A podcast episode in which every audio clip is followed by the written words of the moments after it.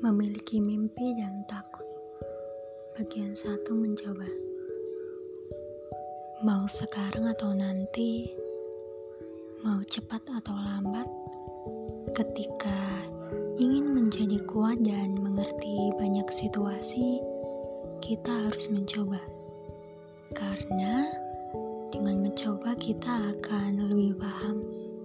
Dengan mencoba kita bisa lebih memiliki pandangan yang pasti tentang hal-hal yang mungkin semua orang itu bisa mengungkapkannya dengan pendapat-pendapat. Tetapi ketika sudah merasakannya langsung, ia akan menjadi pakarnya.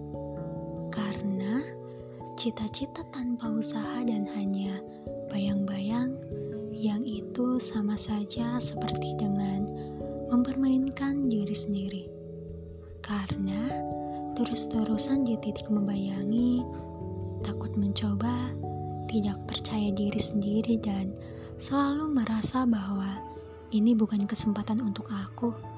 Pasti mereka lebih bisa. Aku bukan apa-apa.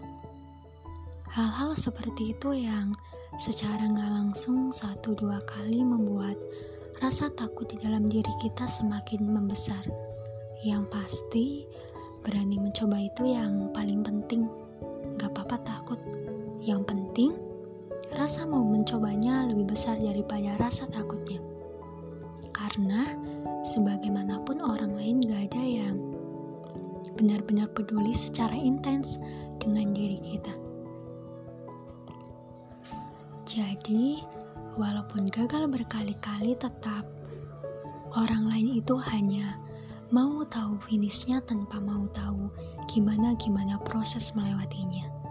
Kalaupun mau tahu, ya hanya pas kita udah berhasil.